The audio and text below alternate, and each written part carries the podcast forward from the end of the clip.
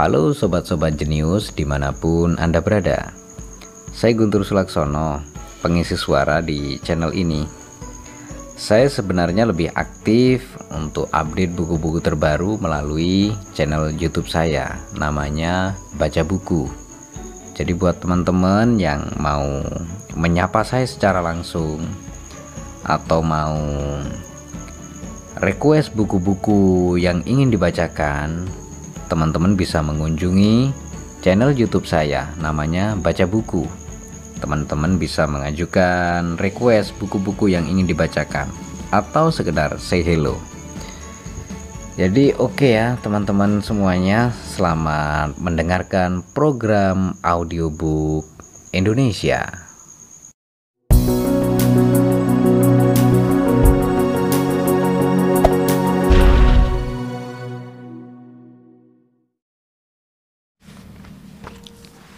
Stoik Apa dan Bagaimana? Penulis Massimo Pigliucci. Kita memasuki bab kedua. Peta jalan untuk perjalanan ini. Lagi pula, apa tujuan orang menerapkan kebajikan kecuali untuk hidup yang mengalir mulus? Kutipan dari Epictetus, Discourses 1.4 Ketika pergi ke suatu daerah baru, saya senang membawa peta. Peta ini membuat saya memiliki gambaran tentang ke mana saya akan pergi, ke mana saya tidak boleh pergi, dan sebuah konteks untuk segala sesuatu yang akan saya alami selama perjalanan itu. Bab ini seperti sebuah peta yang menggambarkan letak serta kontur stoikisme, selain sebuah ringkasan tentang prinsip-prinsip pedoman yang membentuk struktur untuk bagian selebihnya buku ini. Sehingga anda bisa mendapatkan sebanyak mungkin dari pengalaman ini. Saya yakin kita hampir tidak dapat menghargai sebuah filosofi atau agama atau gagasan rumit mana pun sesungguhnya tanpa memahami barang sedikit tentang jalur perkembangannya yang sering kali tidak linear. Jadi, marilah kita mulai dengan mencermati sejarah filsafat yang akan kita gali dan mungkin akan Anda putuskan untuk terapkan dalam hidup. Seperti kisah yang diceritakan oleh Diagoras Laertius dalam buku Life of the Eminent Philosopher. Stoikisme dimulai di Athena, Yunani sekitar tahun 300 sebelum Masehi. Zeno, seorang pedagang bangsa seorang pedagang bangsa Fonisia dan penduduk asli Citium, sekarang Siprus, yang diyakinkan kepada kita gemar makan buah arah hijau dan berjemur di bawah terik matahari menjadi tertarik pada filsafat sesudah kapalnya yang bermuatan bahan pewarna ungu karam dalam perjalanan dari Phoenicia ke Piraeus. Ia pergi ke Athena dan duduk di sebuah toko buku. Usianya ketika itu 30 tahun. Sewaktu membaca buku kedua karya Xenophon, Memorabilia, ia begitu senang sehingga mencari tahu di mana ia dapat menemukan tokoh-tokoh seperti Socrates. Krates, seorang filsuf dari aliran sinikisme, kebetulan lewat. Maka pemilik toko buku itu menunjuk Kretes dan berkata, Cobalah menjadi pengikut orang itu. Zeno sungguh mengikuti Kretes dan menjadi muridnya. Salah satu hal pertama yang ia pelajari dari guru barunya adalah berlatih tidak merasa malu ketika memang tidak ada yang harus membuatnya malu. Kretes mengajak Zeno berkeliling sambil membawa guci berisi sup lentil. Tiba-tiba Kretes memecahkan guci itu dan Zeno lari karena malu. Sementara sang guru berseru-seru memanggilnya di depan banyak orang. Mengapa lari, murid Venesiaku yang mungil? Tak ada hal buruk yang menimpamu. Zeno belajar banyak dari Kretes dan beberapa filsuf lain selama beberapa tahun, sampai ia merasa cukup percaya diri untuk membuka sekolahnya sendiri. Meskipun pada awalnya, seperti bisa diduga, para pengikutnya disebut Zenonian. Akhirnya mereka mulai disebut Stoik karena sering berkumpul di Stoa Poikile atau Selasar Berkat, sebuah tempat umum di pusat kota. Siapa pun dapat datang untuk mendengarkan Zeno berbicara tentang sejumlah topik, dari sifat dasar manusia sampai tugas, hukum, pendidikan, puisi, retorika, dan etika misalnya. Kita mengetahuinya karena walaupun hanya sedikit karya tulis Zeno yang terselamatkan, Judul-judul bukunya ada dalam daftar yang dibuat oleh Diogenes, Diogenes Laertius. Zeno meninggal pada usia sangat lanjut. konon 98 tahun. Entah karena terjatuh atau sakit dan merasa tidak berguna bagi masyarakat, lalu bunuh diri dengan cara mogok makan. Sesudah Cleantis, murid Zeno dan generasi kedua yang memimpin Stoa, muncul sosok berpengaruh lain dalam sejarah gerakan filsafat ini. Chrysippus dari Soli, seorang atlet lari jarak jauh sebelum terjun ke filsafat. Ia menulis banyak buku tentang bermacam-macam bidang. Diogenes Laertius menyebutkan angka yang menakjubkan tentang jumlahnya, 705. Dan yang penting memperkenalkan banyak sekali gagasan baru. Begitu banyak sampai-sampai zaman dulu orang biasa berkata, kalau bukan karena Chrysippus, mungkin Stoa tidak ada. Tentu saja, Stoikisme tidak muncul begitu saja. Para pengikut Stoik awal sangat dipengaruhi oleh aliran-aliran filsafat dan pemikir-pemikir sebelumnya, khususnya Socrates dan filsuf-filsuf sinik, tapi juga oleh murid-murid akademia, pengikut Plato, dan lihat lampiran untuk penjelasan tentang mahsab-mahsab yang berbeda-beda ini. Mereka menghabiskan waktu yang cukup banyak untuk berdebat seru dengan aliran-aliran lain, terutama dengan murid-murid akademia, paripatetik, paripatetik, pengikut Aristoteles, dan tentu saja kelompok pengikut Epicurus, Epicurean, Epictetus misalnya, menyediakan tiga bab penuh dalam Discourses untuk membantah pemikiran Epicurus. Tiap aliran ini, eudaimonik, artinya sasaran mereka adalah memikirkan cara terbaik bagi manusia dalam menjalani hidup. Ada yang memberikan penekanan pada kebajikan atau virtue. Peripatetik sinik, dan stoik. Ada yang lebih mementingkan kesenangan, epicurean, kirenaik. Ada pula yang lebih tertarik pada metafisika, akademia, atau batas-batas pengetahuan manusia, skeptik. Bagaimanapun, semuanya memiliki satu tujuan, berkembangnya eksistensi. Ini berjalan untuk beberapa lama, sampai pada tahun 155 sebelum masehi, sesuatu yang sangat penting terjadi pada filsafat kuno.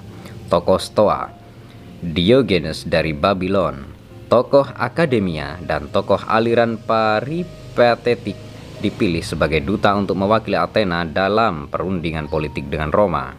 Para filsuf itu berangkat ke ibu kota republik untuk meminta pengurangan denda yang telah dikenakan sejak tiga tahun sebelumnya kepada warga Athena sejak pengambil alihan Oropus, sebuah kota Yunani kecil di dalam kekuasaan Roma.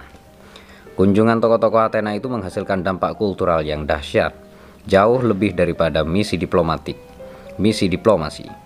Para filsuf itu memberikan serangkaian ceramah di ibu kota, membuat kejutan di kalangan penguasa Romawi yang konservatif dan untuk pertama kalinya memicu minat terhadap filsafat di kalangan bangsa Romawi.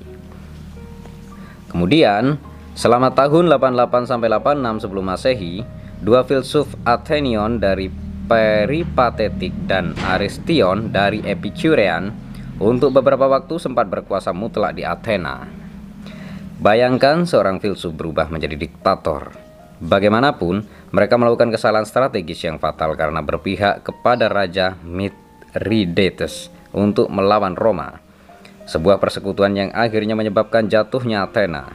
Episode itu memastikan berakhirnya kedudukan kota besar itu sebagai ibu kota filsafat di dunia kuno karena sebagian besar perguruan yang ada di sana pindah ke tempat-tempat yang lebih tenang, termasuk Rhodes, Alexandria, dan terutama Roma sendiri. Ini sebuah peristiwa yang menentukan dalam sejarah filsafat barat. Babak peralihan kedua sejarah stoikisme ini disebut Stoa menengah atau Middle Stoa. Orator besar Romawi Cicero yang bersimpati terhadap gagasan-gagasan stoik merupakan salah satu sumber utama kita, baik untuk stoa awal maupun stoa menengah. Akhirnya, Republik Romawi sesudah kematian Julius Caesar dan naiknya Octavianus Augustus ke tampuk kekuasaan membuka jalan ke pembentukan kekaisaran. Stoikisme berkembang pesat sebagai aliran utama selama masa ini, dikenal sebagai babak stoa akhir atau late stoa. Pada waktu itu aktiflah semua pengikut stoik terkenal dan tulisan-tulisannya telah terlestarikan dalam jumlah cukup besar. Gaius Musonius Rufus, tokoh Epictetus, Seneca, penasehat Kaisar Nero, Epictetus sendiri dan kaisar sekaligus filsuf Marcus Aurelius. Ketika Kaisar Konstantinus melegalkan ajaran Kristen pada 312 Masehi, Stoikisme menurun. Begitu pula jumlah mazhab lainnya. Akhirnya Kaisar Bizantium, Justinianus menutup akademia pada 529 Masehi, mengakhiri sama sekali tradisi filsafat Yunani Romawi kuno. Bagaimanapun, gagasan Stoikisme bertahan hidup dalam tulisan-tulisan banyak tokoh sejarah yang dipengaruhi olehnya, termasuk yang terkadang bersifat kritis terhadapnya.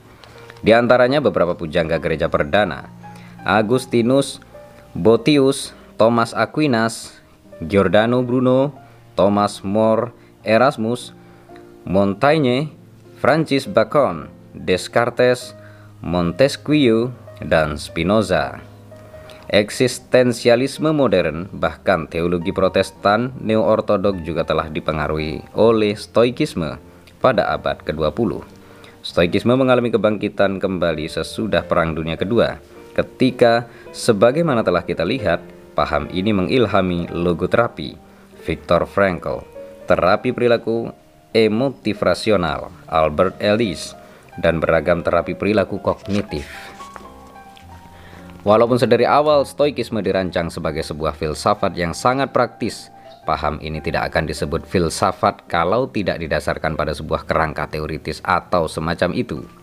Kerangka itu adalah gagasan bahwa agar dapat menjalani hidup yang baik dalam makna eudaimonik sejahtera, orang harus memahami dua hal, sifat dasar dunia dan tempat ia tinggal, dan sifat dasar penalaran manusia, termasuk ketika penalaran itu tidak tepat, sebagaimana sering terjadi. Seorang murid stoikisme zaman dulu barangkali akan meraih sasaran-sasaran tersebut dengan mempelajari fisika, logika, dan etika, walaupun masing-masing istilah itu memiliki makna yang agak berbeda dengan saat ini. Fisika bagi pengikut stoik dulu adalah belajar tentang bagaimana dunia bekerja, meliputi yang sekarang kita sebut ilmu alam, natural science. Ditambah metafisika, sekarang menjadi salah satu cabang filsafat, bahkan teologi Pengikut Stoik percaya pada Tuhan, walaupun yang mereka maksudkan adalah Tuhan material yang imanen menyatu dalam kosmos. Logika, pengikut Stoik meliputi yang sekarang kita sebut dengan nama itu, yakni kajian tentang penalaran formal, sesuatu yang dalam kenyataan merupakan sumbangan mendasar bagi pengikut Stoik zaman dulu.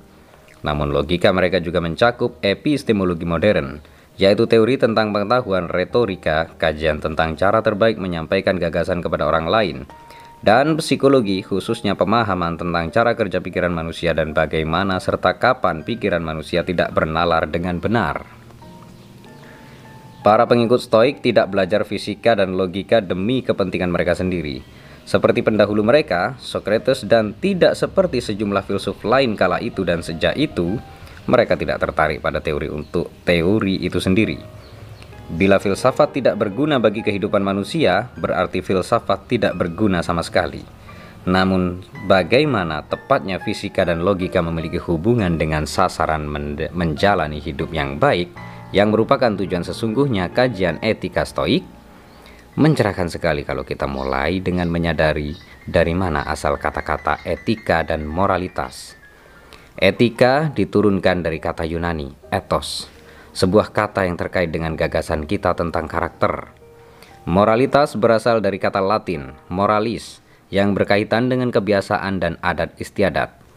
Sesungguhnya lah Cicero menerjemahkan kata ethos dari bahasa Yunani menjadi moralis, jadi gagasan dasarnya adalah karakter yang baik tidak dapat dikembangkan dengan tepat dan kebiasaan baik tidak dapat dipraktikkan tanpa pemahaman terhadap kedua wilayah pencarian yang lain. Stoik menggunakan beberapa metafora untuk mempertemukan kedua tujuan itu. Salah satu yang paling mudah dicerna adalah terkait kebun dari Chrysippus yang mengatakan bahwa buah-buahan dari kebun menggambarkan etika. Supaya mendapatkan buah-buahan yang bagus, kita harus merawat tumbuhannya dengan asupan yang baik. Dengan demikian, tanah di kebun adalah fisika, menyediakan pemahaman terhadap dunia tempat kita hidup. Lebih dari itu, kebun kita perlu dipagari dari pengaruh-pengaruh yang tidak diinginkan dan destruktif. Atau kebun itu akan diambil alih oleh hama dan tidak baik untuk ditanami. Pagar adalah logika yang berfungsi menangkal pikiran-pikiran buruk Sahabat kita Epictetus mengembangkan pemahamannya sendiri yang sangat asli tentang mengapa tiga bidang kajian stoik ini penting. Ada tiga bagian yang harus dilatih ketika seseorang ingin menjadi baik dan mulia. Yang pertama terkait dengan hasrat untuk mendapatkan dan hasrat untuk menghindari. Ia harus dilatih agar tidak gagal dalam mendapatkan apa yang diinginkan atau tidak jatuh ke dalam keinginan yang harus dihindari. Yang kedua terkait dengan dorongan untuk bertindak atau tidak bertindak. Dan dalam situasi yang tepat, bahwa kita harus bertindak sesuai aturan dengan pertimbangan yang tepat dan dengan hati-hati. Bagian ketiga adalah kita jangan sampai terkecoh dan tidak boleh menilai asal-asalan serta umumnya terkait dengan kesepakatan terhadap aturan. Ketiganya sering disebut sebagai tiga disiplin stoik: hasrat, aksi, kesepakatan. Semuanya berhubungan langsung dengan tiga bidang kajian, selain dengan empat kebajikan yang akan dirinci belakangan dengan cara sebagai berikut. Hasrat penerimaan stoik diturunkan dari fisika, kebajikan, keberanian, kesederhanaan. Aksi filantropi stoik diturunkan dari etika, kebajikan, keadilan, Kesepakatan kewaspadaan stoik diturunkan dari logika, kebajikan, kebijaksanaan praktis. Diagram ini mencakup banyak buah pikiran stoik dan menguasainya merupakan sebuah cara yang sangat baik untuk memahami apa yang dulu dicari oleh para pengikut stoik. Disiplin dalam hasrat juga disebut penerimaan stoik, mengatakan kepada kita apa yang pantas dan tidak pantas diinginkan ini pada gilirannya berasal dari kenyataan bahwa sejumlah hal ada dalam kendali kita sedangkan yang lain tidak. Kita dapat menghargai perbedaan penting itu dari pemahaman tentang bagaimana cara kerja dunia. Karena hanya orang yang tidak belajar fisika yang melakukan kesalahan dengan mengira mereka mampu mengendalikan lebih dari yang sesungguhnya. Artinya, mereka hidup dalam khayalan. Dua dari empat kebajikan stoik adalah tekun mengendalikan hasrat keberanian menghadapi kenyataan dan bertindak sesuai dengannya, dan kesederhanaan mengendalikan hasrat dan menyesuaikan hasrat itu dengan apa yang dapat kita raih. Disiplin dalam aksi dikenal juga sebagai filantropi stoik, dalam arti kepedulian kepada orang lain memberitahu kita cara berperilaku di dunia. Itu merupakan hasil pemahaman yang benar atas etika, kajian tentang menjalani hidup dan berangkat dari kebajikan yang disebut adil. Akhirnya, Disiplin terhadap kesepakatan atau kewaspadaan stoik mengatakan kepada kita cara bereaksi terhadap suatu situasi dalam arti entah memberikan persetujuan atas kesan awal terhadap sebuah situasi atau tidak menerimanya. Disiplin ini dicapai melalui kajian terhadap logika, apa yang masuk akal, apa yang tidak, dan memerlukan kebajikan yang terkait dengan kebijaksanaan praktis. Buku ini disusun berdasarkan ketiga disiplin tadi, kita akan mulai dengan hasrat, apa yang layak dan tidak layak diinginkan dengan belajar tentang cara dasar pengikut stoik membedakan mana yang ada dalam kendali kita dan mana yang tidak. Sebuah pembedaan yang pada gilirannya memberi kita kerangka yang berguna sebagai panduan untuk membuat semua keputusan besar dalam hidup. Kita akan menghargai mengapa pengikut stoik berkata bahwa kita harus mengikuti alam, yang berarti memahami sifat dasar manusia dan posisi kita dalam kosmos. Bermain bola dalam makna kiasan dengan Socrates untuk memudahkan kita hidup dengan baik lewat memandang hal-hal yang baik, kesehatan, kekayaan, pendidikan, atau ketiadaan hal-hal itu dalam perspektif yang tepat. Kemudian mempelajari bagaimana para pengikut Stoik memahami Tuhan dan tujuan keberadaan jagat raya. Bagian kedua buku ini dikhususkan untuk menggali disiplin aksi atau bagaimana kita berperilaku di dunia. Kita akan melihat mengapa kaum stoik berpendapat bahwa yang paling penting adalah karakter. Di mana pun kita berada, mengapa mereka berpendapat bahwa orang sesungguhnya bukannya jahat, melainkan telah memperoleh pandangan keliru tentang dunia yang terkadang mengantar mereka ke perbuatan-perbuatan buruk. Dan bagaimana stoik dapat memudahkan orang menghadapi situasi-situasi yang sangat sulit, termasuk cacat fisik dan cacat mental. Bagian ketiga akan membahas disiplin kesepakatan atau cara bereaksi yang paling baik terhadap suatu situasi. Disiplin ini berhubungan dengan bermacam-macam masalah sehari-hari, seperti amarah, kecemasan, kesepian, tapi juga dalam aspek-aspek positif hidup kita, seperti persahabatan dan cinta. Kita akan melihat bagaimana dulu para pengikut Stoik menyiapkan diri untuk menghadapi kematian yang tak terhindarkan pada akhir hidup dan menggali kecanggihan serta kedalaman berpikir mereka tentang masalah-masalah yang peka seperti bunuh diri. Akhirnya, saya akan memandu Anda melalui 12 latihan spiritual pilihan untuk memungkinkan Anda memulai perjalanan Anda menjadi seorang pengikut Stoik yang baik selain menjadi pribadi yang sebaik mungkin. Terima kasih dan bersambung ke bab 3.